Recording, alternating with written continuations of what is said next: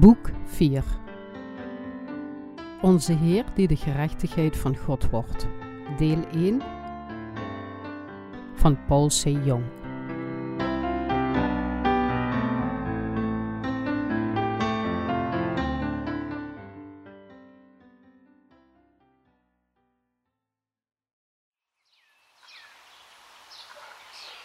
Hoofdstuk 1 Inleiding over Romeinen, hoofdstuk 1 Naar de brief van Paulus de Apostel aan de Romeinen kan verwezen worden als de schat van de Bijbel. Het handelt hoofdzakelijk over hoe men Gods gerechtigheid kan verkrijgen door in het evangelie van het water en de geest te geloven. Door Romeinen te vergelijken met de brief van Jacobus, definieerde iemand de eerste als de woorden van de schat en de laatste als de woorden van stro. Jacobus is echter net zo goed het woord van God als Romeinen. Het enige verschil is dat Romeinen waardevol is, omdat het in algemeen overzicht van de Bijbel geeft, terwijl Jacobus waardevol is, want het is het woord dat de rechtvaardigen laat leven volgens Gods wil. Wie is de man Paulus? Laten we Romeinen hoofdstuk 1, vers 1 tot en met 7 lezen.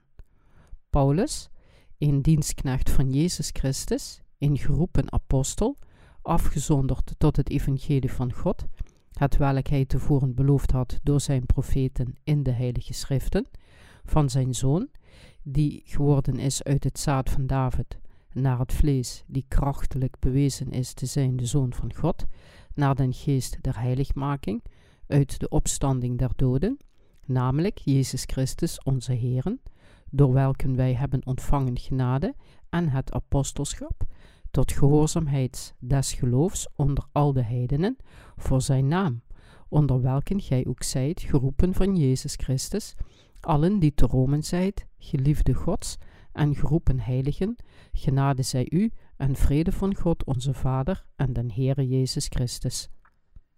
Deze passages kunnen worden gezien als de groeten van Paulus aan de christenen in Rome.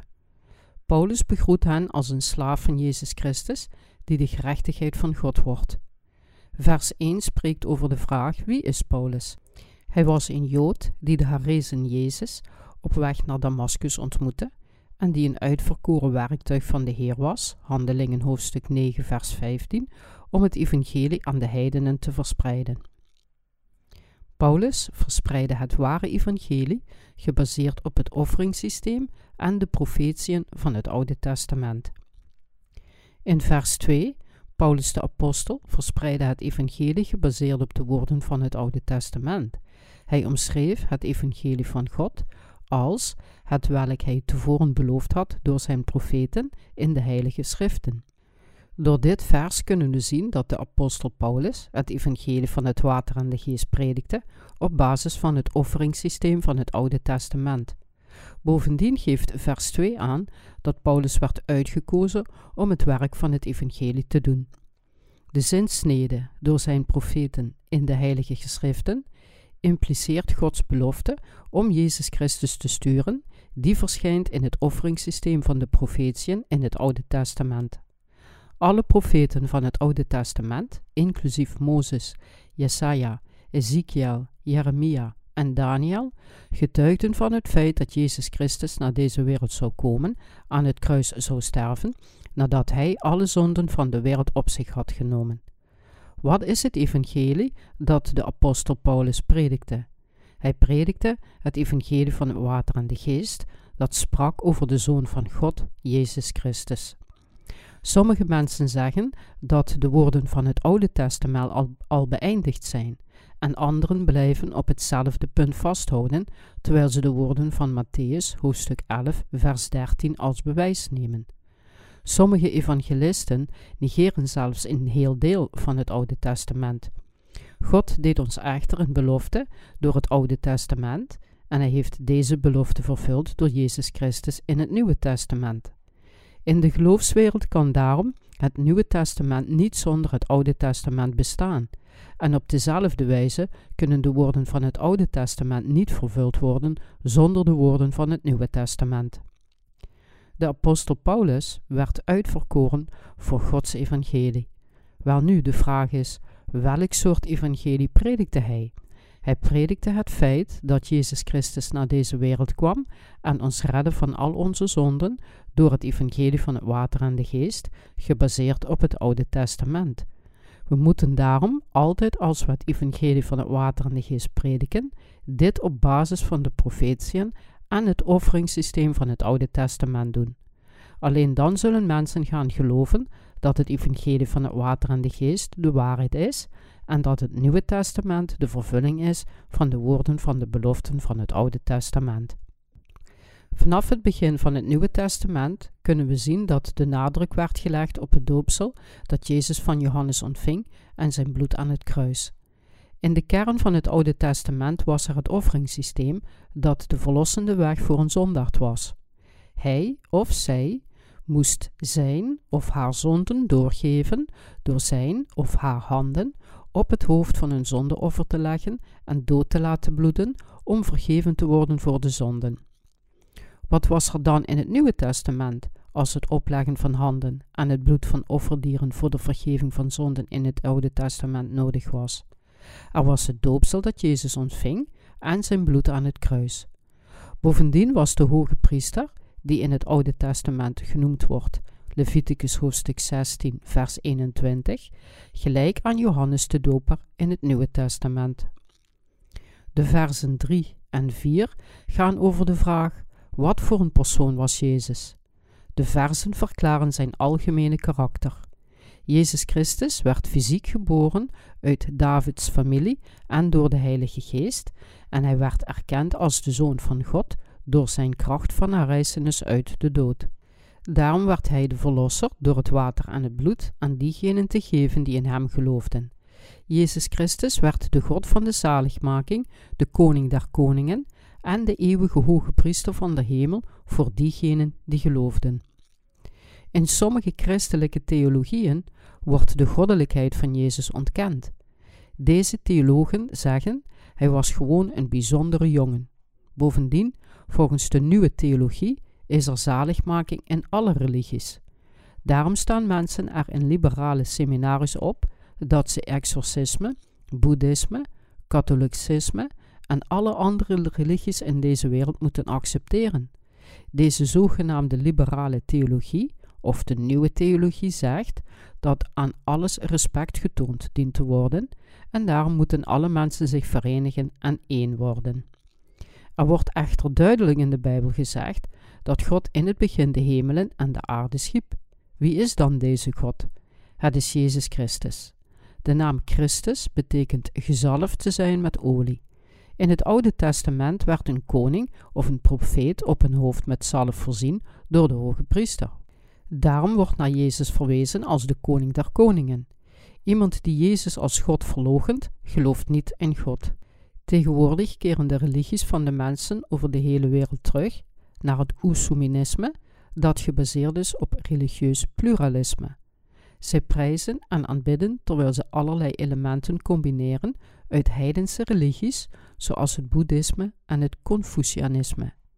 Soms aanbidt de congregatie op een boeddhistische manier, en andere keren doen ze het op een christelijke manier. Welnu, er kan wel een heerlijke mix van voedsel zijn. Als het echter om geloof gaat, geldt hoe zuiverder, hoe beter. Daarom is het antwoord op de vraag in versen 3 en 4: Wie is Jezus? Dat hij diegene is die als de Zoon van God erkend is geworden door zijn kracht van herrijzenis uit de dood. Christus werd de Heer en Verlosser voor ons. De versen 5 en 6 vertellen hoe Paulus door God een apostel werd.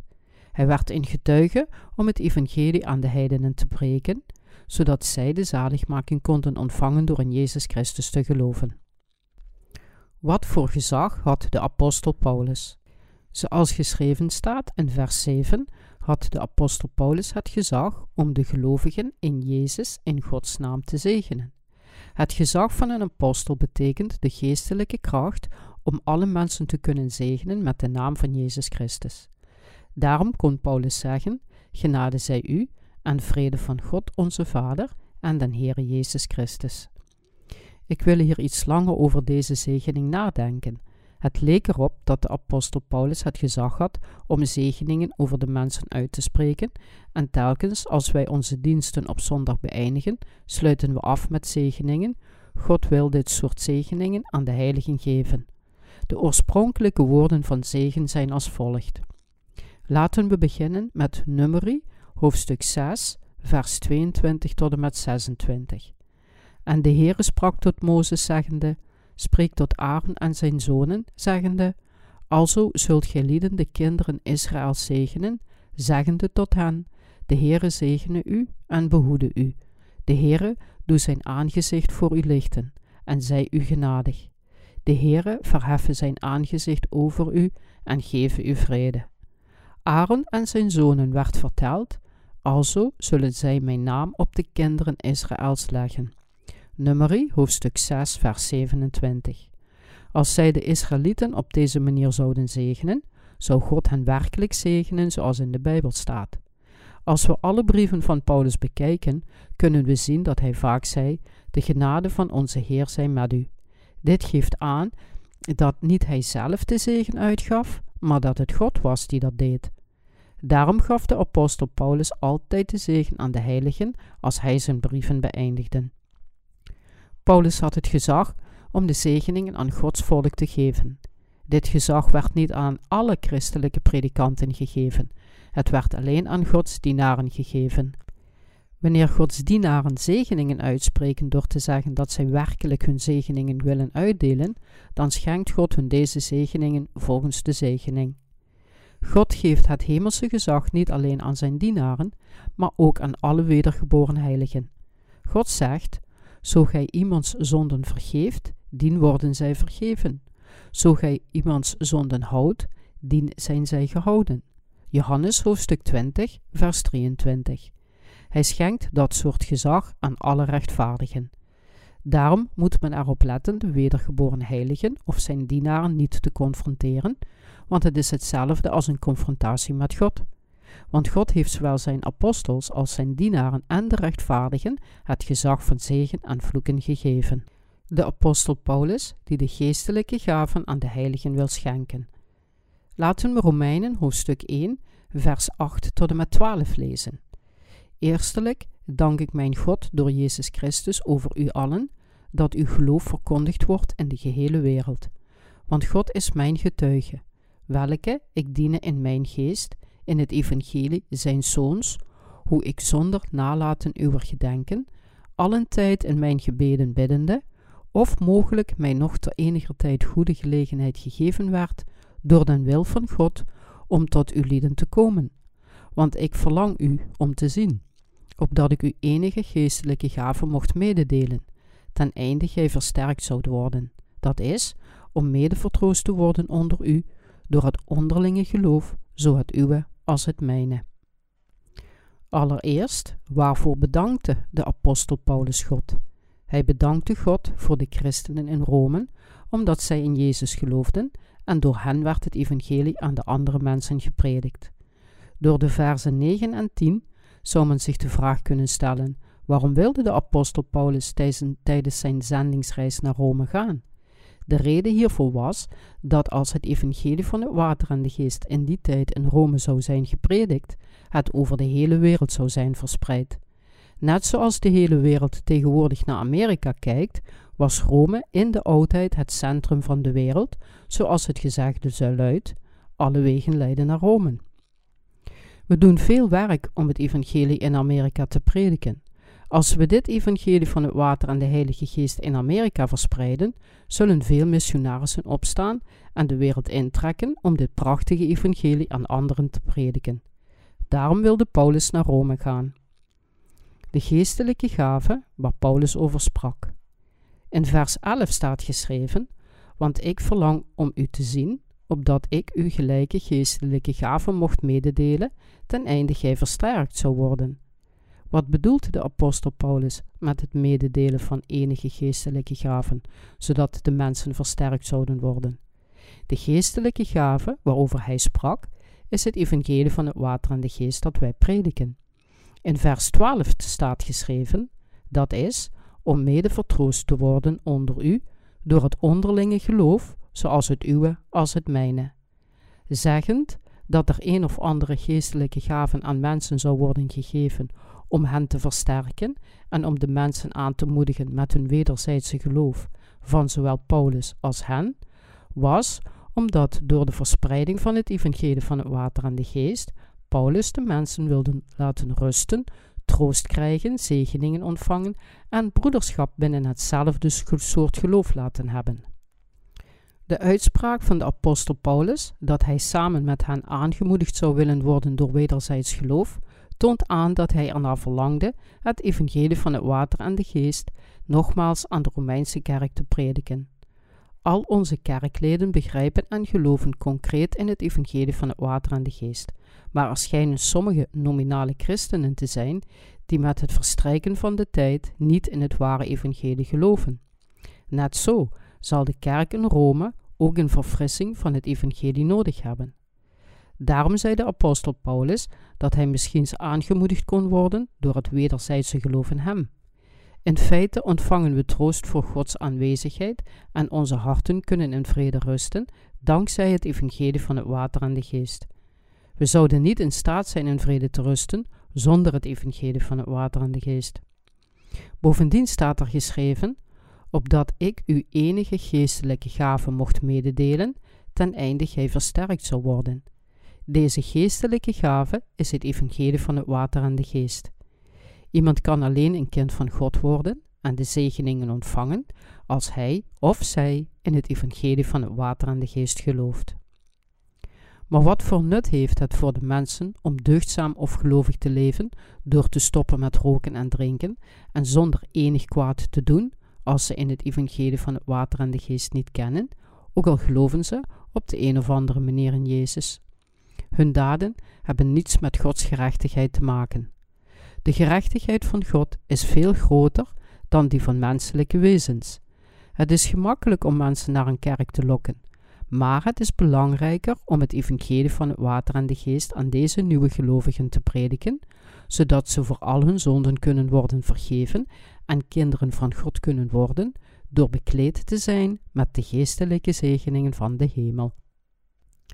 De apostel Paulus wilde dat de heiligen in Rome door zijn eigen geloof werden aangemoedigd. Dus zei hij: Dat is om mede vertroost te worden onder u door het onderlinge geloof, zo het uwe als het mijne. Daarom moest de apostel Paulus het ware evangelie prediken aan de hele gemeente van de kerk om hen het geloof te geven, zodat ze door zijn eigen geloof in het evangelie van het water en de geest gevestigd konden worden. Hij moest de gelovigen van de kerk van Rome het evangelie van het water en de Heilige Geest brengen en hun leren wat het werkelijk was. Dat is wat de apostel Paulus anders maakte dan de andere evangelisten in de wereld van, van vandaag. In de brief aan de Romeinse kerk zei de apostel Paulus dat hij mensen wilde laten vestigen door enig geestelijke gave mede te delen en hen aan te moedigen door het wederzijdse geloof van zowel mensen als van hem. Dit is wat alle predikers van de bestaande kerken van vandaag zouden moeten leren van de apostel Paulus. De apostel Paulus predikte het evangelie van water en de geest, waarmee men ware broeders van de valse kan onderscheiden.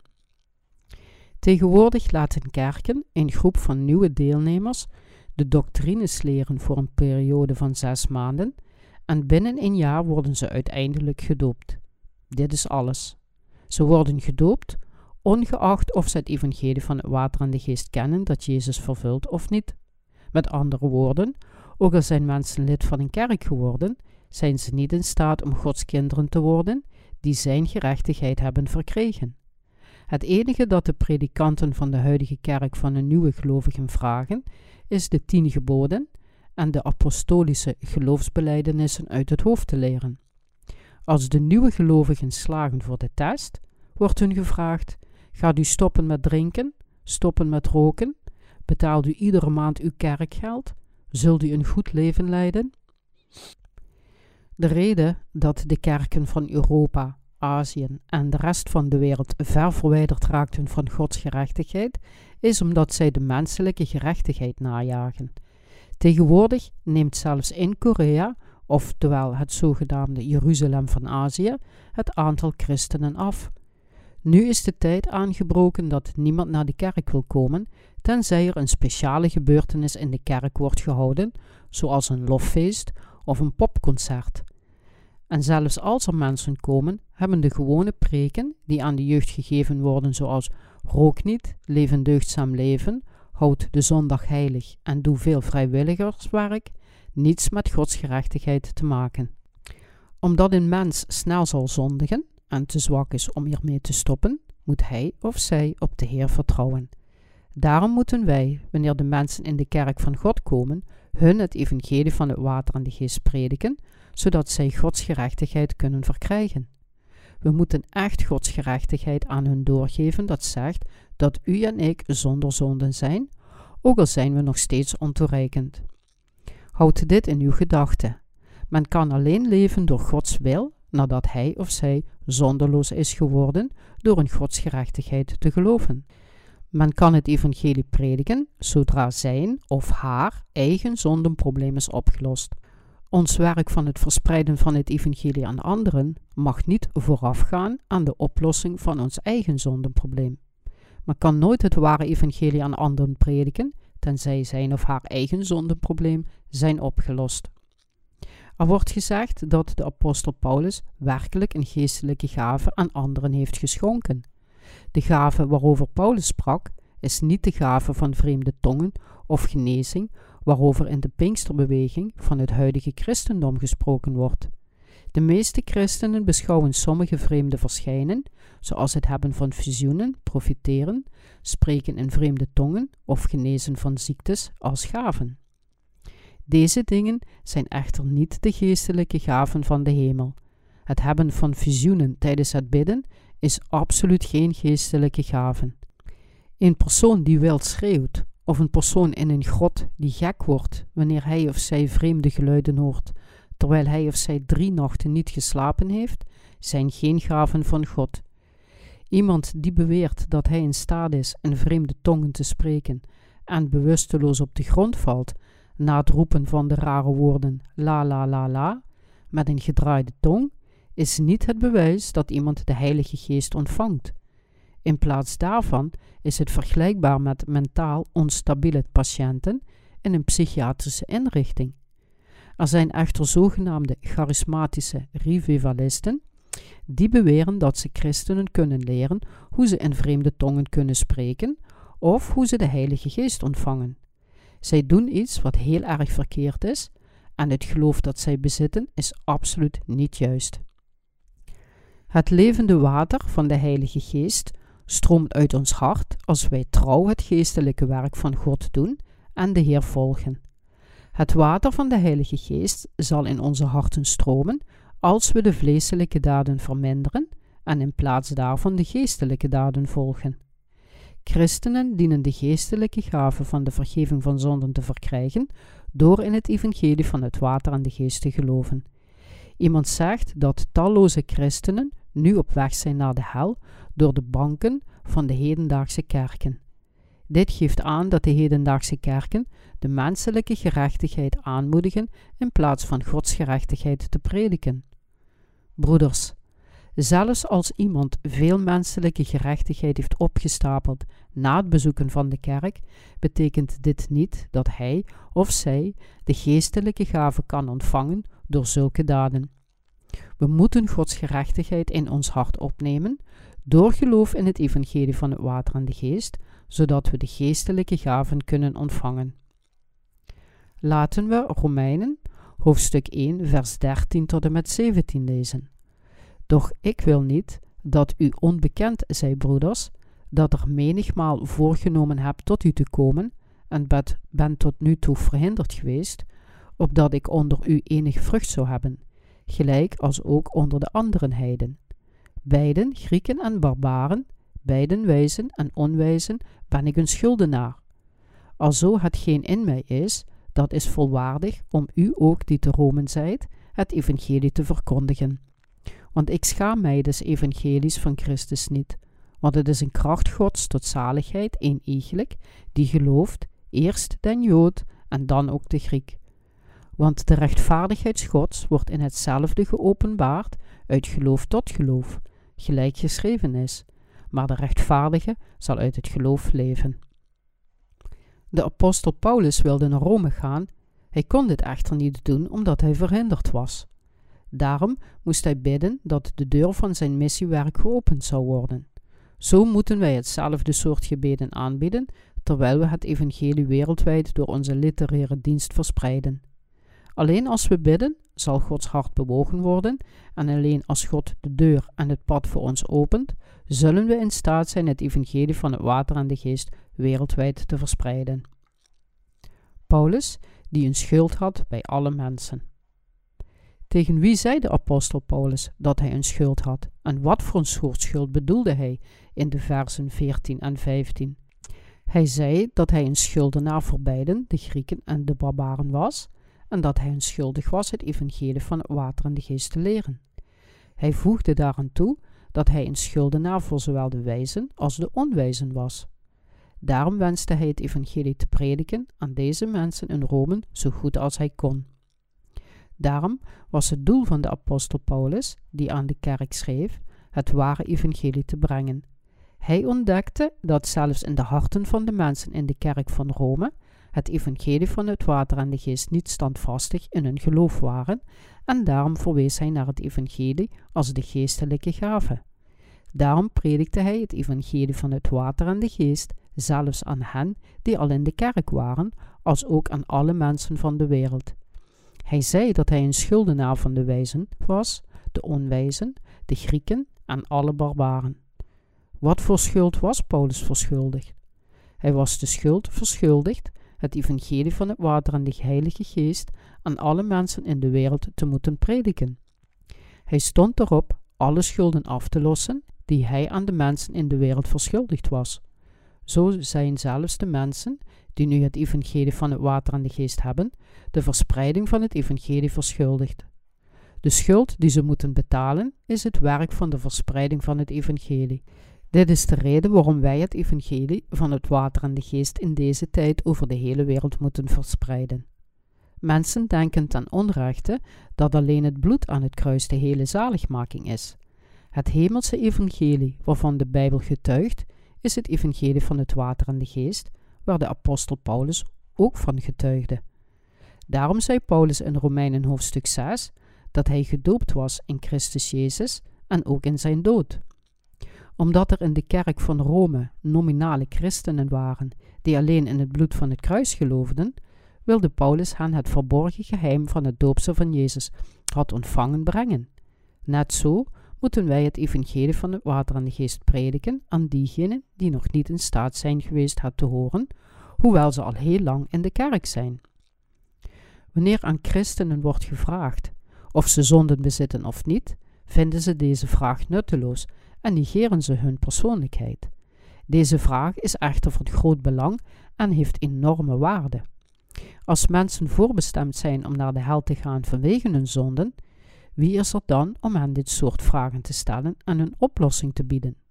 Alleen een persoon die zondeloos in zijn of haar hart is, nadat hij of zij wedergeboren is door het evangelie van het water en de geest, kan dat soort vragen stellen en ook het juiste antwoord aan de mensen geven. Alleen de wedergeboren heiligen kunnen ervoor zorgen dat zondaars wedergeboren worden door het ware evangelie te prediken. Dat wil zeggen, het evangelie van het water en de Heilige Geest, dat zondaars nog nooit eerder hebben gehoord. Broeders, als iemand in Jezus gelooft, maar nog niet wedergeboren is uit het water en de Heilige Geest, kan hij Gods koninkrijk niet binnengaan, noch kan hij het zien. Wees daarom dankbaar wanneer u mensen ontmoet die zondags toestaan de verlossing van zonden te ontvangen, door u het evangelie van het water en de geest te prediken. Dan zult u een grote zegen ontvangen. Het evangelie waar Paulus zich niet voor schaamde. Wat is in vers 16 het evangelie waarvoor de apostel Paulus zich niet schaamde? Het is het evangelie van het water en de geest, want dit evangelie is Gods kracht tot de zaligmaking van iedereen die gelooft. De reden waarom hij zich niet voor het evangelie van het water en de geest schaamde, was omdat dit evangelie de mensen volkomen zondenloos maakt en de barrière van zonde vernietigt die de hele mensheid van God scheidt.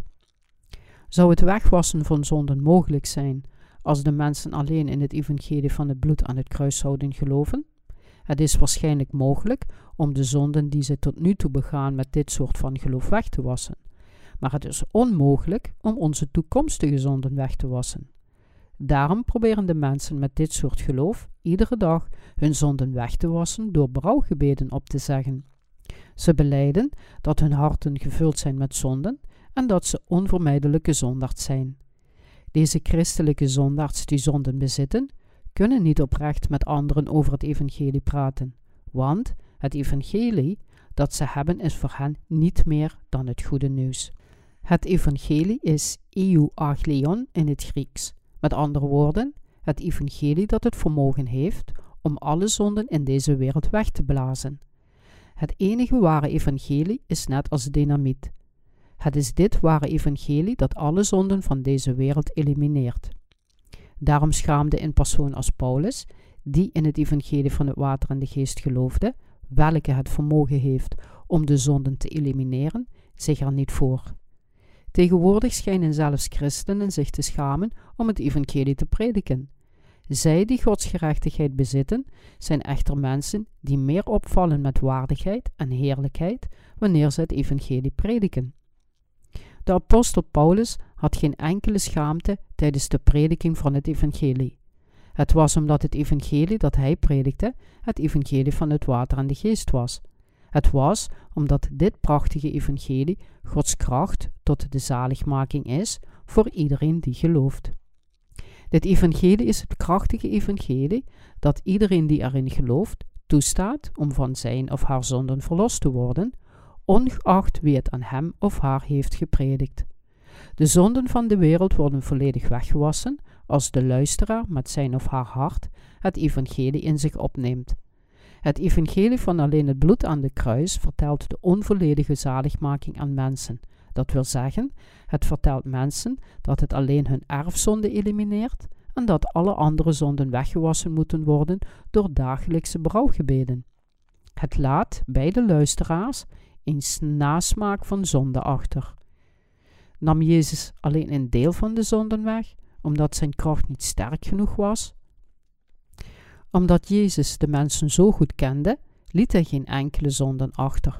Jezus nam alle zonden met zich mee, met het water, het bloed en de Heilige Geest. Ik geloof dat dit prachtige evangelie de volledige zaligmaking van zonden geeft aan iedereen die luistert en gelooft in het evangelie van Jezus' doopsel en zijn bloedvergieten aan het kruis. Daarom heeft het evangelie dezelfde kracht over iedereen, inclusief de Joden en de Grieken. Het evangelie van het water en de geest staat dezelfde zaligmaking van zonden toe aan iedereen die in Jezus gelooft, als het evangelie aan hen wordt gepredikt. Aan de andere kant, als iemand iets anders dan het evangelie van het water en de geest predikt, zal hij of zij de toren van God ontvangen. Dus zei Paulus: Doch al het ware het ook dat wij, of een engel uit de hemel u een evangelie verkondigde, buiten hetgeen wij u verkondigd hebben, die zij vervloekt. Gelaten hoofdstuk 1 vers 8. De apostel Paulus zei duidelijk dat alleen het evangelie van het water en de geest het ware evangelie is uit alle andere evangeliën. Ongeacht of men een heiden of een jood is, of dat men gelooft in de islam, het Confucianisme, het boeddhisme, het Taoïsme, de zonnegod of iets anders, iedereen krijgt de kans om het evangelie te horen. Bovendien geeft dit evangelie van het water en de Heilige Geest hun de kans om van allen zonden gered te worden. Dus moeten we verspreiden dat Jezus Christus God is, dat Hij het universum heeft geschapen en dat Hij naar deze wereld kwam in de gelijkenis van een mens om ons te redden, dat Hij al onze zonden op zich nam door gedoopt te worden door Johannes en dat Hij het oordeel voor onze zonden ontving door aan het kruis te sterven. Daarom schaamde de apostel Paulus zich niet voor het evangelie van het water en de geest. Zelfs al moet het evangelie van alleen het kruis een beschamend evangelie zijn, het evangelie van het water en de geest kan helemaal niet beschamend zijn, maar een goed en krachtig evangelie dat overstroomt met trots en waarde. Iedereen die in dit evangelie gelooft, ontvangt de volheid van de Heilige Geest door het geloof in het feit dat hij of zij een kind van God is geworden. Nogmaals zeg ik u dat dit prachtige evangelie van het water en de Heilige Geest nooit een beschamend evangelie kan zijn. Het evangelie dat echter alleen in het bloed aan het kruis gelooft, is beschamend. Christenen, schaamde u zich als u het evangelie van alleen het bloed aan het kruis moest prediken? U schaamde zich toen u het evangelie van alleen het bloed, dat niet het doopsel van Jezus bevat, predikte en erin geloofde. Omdat u zich schaamde om dit nutteloze evangelie te prediken, moest u altijd naar de Heer roepen of fanatieke gebeden in vreemde tongen geven om uw gevoelens te vullen voordat u de straat op ging om te roepen: gelooft in Jezus. Dit is iets dat iemand alleen kan doen met overstromende gevoelens, maar iets dat iemand nooit zou kunnen doen met een nuchtere geest. Dat is de reden waarom diegenen die alleen in het bloed van het kruis geloven, oproerig schreeuwen en onrust veroorzaken wanneer ze op straat zijn voor evangelisatie. Met de megafoon dicht bij de hand schreeuwen ze alleen de woorden Jezus naar de hemel, ongeloof naar de hel. Echter, een gelovige in het evangelie van het water en de geest brengt het evangelie op een nette manier. Terwijl hij zijn Bijbel heeft geopend, drinkt hij thee en praat hij met een ander. Wat wordt er over het evangelie van Gods gerechtigheid gezegd? Wat wordt er in vers 17 gezegd dat geopenbaard wordt in het evangelie van Christus? Er wordt gezegd dat de rechtvaardigheid Gods wordt geopenbaard in het evangelie van God. Gods gerechtigheid wordt volledig geopenbaard in het ware evangelie. Daarom wordt gezegd dat Gods gerechtigheid erin wordt geopenbaard van geloof tot geloof en dat de rechtvaardigen alleen door geloof zullen leven. Het evangelie dat alleen het bloed aan het kruis brengt, bevat niet Gods gerechtigheid. Broeders, als er gezegd wordt dat iemand elke dag gebeden vol berouw moet geven voor zijn of haar dagelijkse zonden, zelfs als hij of zij al de erfzonde vergeven heeft verkregen, en dat iemand geleidelijk geheiligd kan worden om uiteindelijk een volmaakt rechtvaardig persoon te worden, bevat dit soort geloof dan Gods gerechtigheid? Dit is niet iets waar Gods gerechtigheid in geopenbaard wordt. Iets dat Gods gerechtigheid openbaart, spreekt over volmaakte dingen. Het evangelie van het water en de Heilige Geest praat over het volmaakte evangelie van het begin tot het einde. U mensen geeft dagelijks berouwgebeden, omdat u elke dag zonden begaat, alsof u nieuwe kleren moet maken van de bladeren van een vijgenboom, om uw schaamtevolle kanten elke dag te bedekken, of misschien elke week of maand. Iemand die herhaaldelijk een zondaard wordt door dagelijkse berouwgebeden op te zeggen, is als het bedekken van zijn of haar eigen schaamtevolle lichaam met de bladeren van een vijgenboom. Dit is de toestand van het religieuze leven van diegenen die in het evangelie van alleen het bloed aan het kruis geloven. Het zijn de dwaze mensen die niet de leren kleding willen dragen, die God hen gratis heeft gegeven, maar in plaats daarvan genieten van het dragen van de kleding van de bladeren van de vijgenboom. Jezus' bloed aan het kruis was het resultaat van Jezus' doopsel. En het was niet het bloedvergieten aan het kruis waardoor Jezus onze zonden kon overnemen. Hij nam onze zonden over op het moment dat hij gedoopt werd, kwam toen naar het kruis en droeg alle zonden van de wereld en stierf om de zonden van de wereld te verzoenen. Daarom was het kruis het resultaat van het doopsel dat hij ontvangen had. Aangezien Jezus onze zonden door zijn doopsel had overgenomen, was het bloedvergieten aan het kruis zijn laatste daad om al onze zonden te verzoenen. Jezus ontving alle vloeken van zonden aan het kruis, omdat hij gedoopt was. Hoe kunnen we dan Gods gerechtigheid verkrijgen? We kunnen het verkrijgen door het evangelie van het water en de geest te kennen en erin te geloven. U zult me vragen: gelooft u dan in het evangelie van het water en de geest? Dan kan ik op deze vraag meteen een duidelijk ja antwoorden. Het geheim om de gerechtigheid van God te verkrijgen is te geloven in het evangelie van het water en de geest. De reden hiervoor is dat het evangelie van het water en de geest de waarheid is en omdat het Gods liefde en zijn gerechtigheid openbaart. Het is ook omdat het evangelie van het water en de geest de verlossing van de zonden bevat, die God de mensheid gratis heeft gegeven, de weg om zijn kinderen te worden, de zegening van het eeuwige leven, waardoor men de Heilige Geest kan ontvangen, en de fysieke en geestelijke zegeningen op aarde. De apostel Paulus zei dat Gods gerechtigheid volledig geopenbaard wordt in het evangelie van het water en de geest dat hij predikte. Daarom is het opwerpen van de menselijke gerechtigheid, zonder Gods gerechtigheid te kennen, voor God in zonde. Bovendien is een evangelie dat alleen in het bloed aan het kruis gelooft, maar niet Gods gerechtigheid bevat, vals. Gods gerechtigheid verwijst naar het ware evangelie van het water en de geest dat Hij gegeven heeft.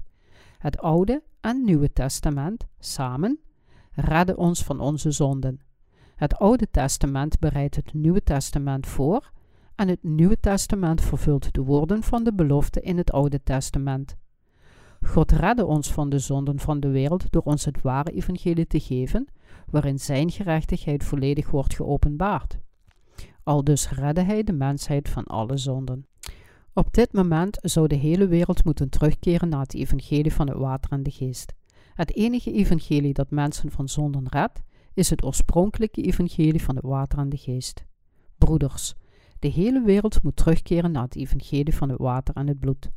Ze moeten terugkeren naar het evangelie van het water en de geest dat Gods gerechtigheid bevat. De reden hiervoor is dat het evangelie van het water en de geest de enige waarheid is die ons van onze zonden kan redden. Alleen het evangelie dat Gods gerechtigheid bevat, kan ons redden, ons zondenloos maken en ons in Gods kinderen veranderen. Bovendien beschermt de Heilige Geest in ons hart Gods mensen en de Heilige Geest bidt voor ons, zegent ons, blijft altijd bij ons en geeft ons het eeuwige leven als geschenk. Het is zeer bedroevend om te zien dat er zoveel mensen zijn die niet eens aandacht besteden aan dit evangelie. Ik hoop dat iedereen in dit evangelie van het water en de Heilige Geest gaat geloven door een duidelijk begrip van Jezus' doopsel te hebben. Het doopsel dat Jezus van Johannes ontving, is niet iets dat Jezus accepteerde omdat hij nederig was. De reden waarom hij gedoopt werd, was om alle zonden van deze wereld te dragen. Johannes, de grootste ooit geboren uit een vrouw, legde zijn handen op Jezus' hoofd toen hij Jezus doopte. Dit vormt in parallel met het opleggen van handen van de hoge priester op het hoofd van smetteloze zondeoffers in het Oude Testament, Leviticus hoofdstuk 16, vers 21. Jezus' dood aan het kruis was een gevolg van het feit dat hij de zonden op zijn lichaam had overgenomen en het loopt parallel met het bloedvergieten van het zondeoffer en het sterven na het opleggen van handen. Omdat dit evangelie van het water en de Heilige Geest in zowel het Oude als ook het Nieuwe Testament wordt genoemd, heeft iedereen die in een ander evangelie gelooft, dat delen van het oorspronkelijke evangelie weglaat, een verkeerd geloof. Het belangrijkste en allereerste wat Jezus deed toen hij naar deze wereld kwam, was zich door Johannes te laten dopen. Het is verkeerd van u om te geloven dat zijn doopsel alleen symbolisch is en te denken dat Jezus gedoopt werd uit nederigheid. Wat voor een soort persoon is een ketter? In Titus hoofdstuk 3 vers 10 staat geschreven: Verwerp een mens na de eerste en tweede vermaning, wetende dat de zodanige verkeerd is en zondigt, zijnde bij zichzelf veroordeeld. Een ketterse mens is een persoon die zichzelf veroordeelt. Een zelfveroordelend persoon betekent iemand die toegeeft en biecht dat hij of zij zonde bezit. Een christen die zegt: Ik ben een zondaard, is daarom een ketterse mens, dat wil zeggen een ketter. Er staat geschreven: Verwerp een ketterse mens na de eerste en tweede vermaning. Omdat dit soort christen pervers en verrot is, mag een zondeloze heilige niet in de buurt komen van zo'n ketter. Hij is iemand die zichzelf veroordeelt omdat zijn eigen geloof en religieuze leven zijn weggerot. Een persoon die onvergeeflijke zonden voor God begaat, is iemand die niet zondenloos wil zijn door in het evangelie van het water en de geest te geloven, maar in plaats daarvan de zonden blijft begaan door zijn absolute zaligmaking voor God te verwerpen terwijl hij of zij zegt dat hij of zij nog steeds een zondaard is. Iemand die zichzelf veroordeelt, terwijl hij of zij denkt dat, hoewel hij of zij in Jezus gelooft, hij of zij nog steeds zonden heeft en hij of zij zichzelf daarom een zondaard noemt, is een ketter op weg naar de hel. Sommige christenen plakken een sticker op de achterkant van hun auto waarop staat: Het is mijn schuld. Dit lijkt zo'n vriendelijk en warm gezegde als het door mensenogen wordt bekeken. Maar in werkelijkheid betekent het, aangezien het allemaal uw eigen schuld is, zaken als naar de hel gaan, een ketterse mens en vervloekt worden, allemaal uw eigen schuld is. Het is mijn schuld, is een paradoxaal gezegde dat men deugdzaam gaat leven. Een aanhanger van zo'n slogan, die denkt dat hij of zij een deugdzaam leven kan leven, daagt echter rechtstreeks Gods woorden uit, die mensen omschrijven als de zaden van ongerechtigheid. Diegenen die dat soort menselijke gedachten najagen, zullen uiteindelijk allerlei soorten vloeken ontvangen. Zijn er toevallig mensen onder u die zichzelf veroordelen? Dan moet u nogmaals aandachtig luisteren naar mijn preek over Romeinen hoofdstuk 3, waarin staat dat de vergeving van zonden geen betrekking heeft op de doctrine van rechtvaardiging. Romeinen spreekt hier zeer gedetailleerd over. De apostel Paulus wist van tevoren wat mensen op een dag zouden zeggen, en daarom zei hij van tevoren dat zondenloos worden inhoudt dat u echt zonder zonden wordt en niet alleen een zondaard rechtvaardig noemt. Hij getuigde ook duidelijk dat alleen het evangelie van het water en de geest de waarheid is. Daarom is het normaal dat diegenen die alleen in het bloed van het kruis geloven, onwetend en dom worden tijdens het lezen van de Romeinen. De brief van de apostel Paulus aan de Romeinen is zo'n geweldig schriftgedeelte, omdat het getuigt van het evangelie van het water en de geest. Iemand moet rechtvaardig worden nadat hij of zij in Jezus is gaan geloven, zelfs als hij of zij oorspronkelijk een zonderd was, voordat hij of zij ging geloven. Iemand moet werkelijk een rechtvaardig persoon worden die geen zonden meer heeft in zijn hart. Dit is hoe iemand het juiste soort van geloof krijgt. Ik hoop dat zelfs als op dit moment het geloof van mensen niet compleet is, hun geloof uiteindelijk tot volmaaktheid zal komen, omdat zij geluisterd hebben naar de woorden van het water en de geest door de wedergeboren kerk. Leer alstublieft meer over het evangelie van het water en de geest door onze preken en bevestig de woorden van waarheid. Ik geloof dat God ons de rijkdom van hemelse zegeningen zal schenken.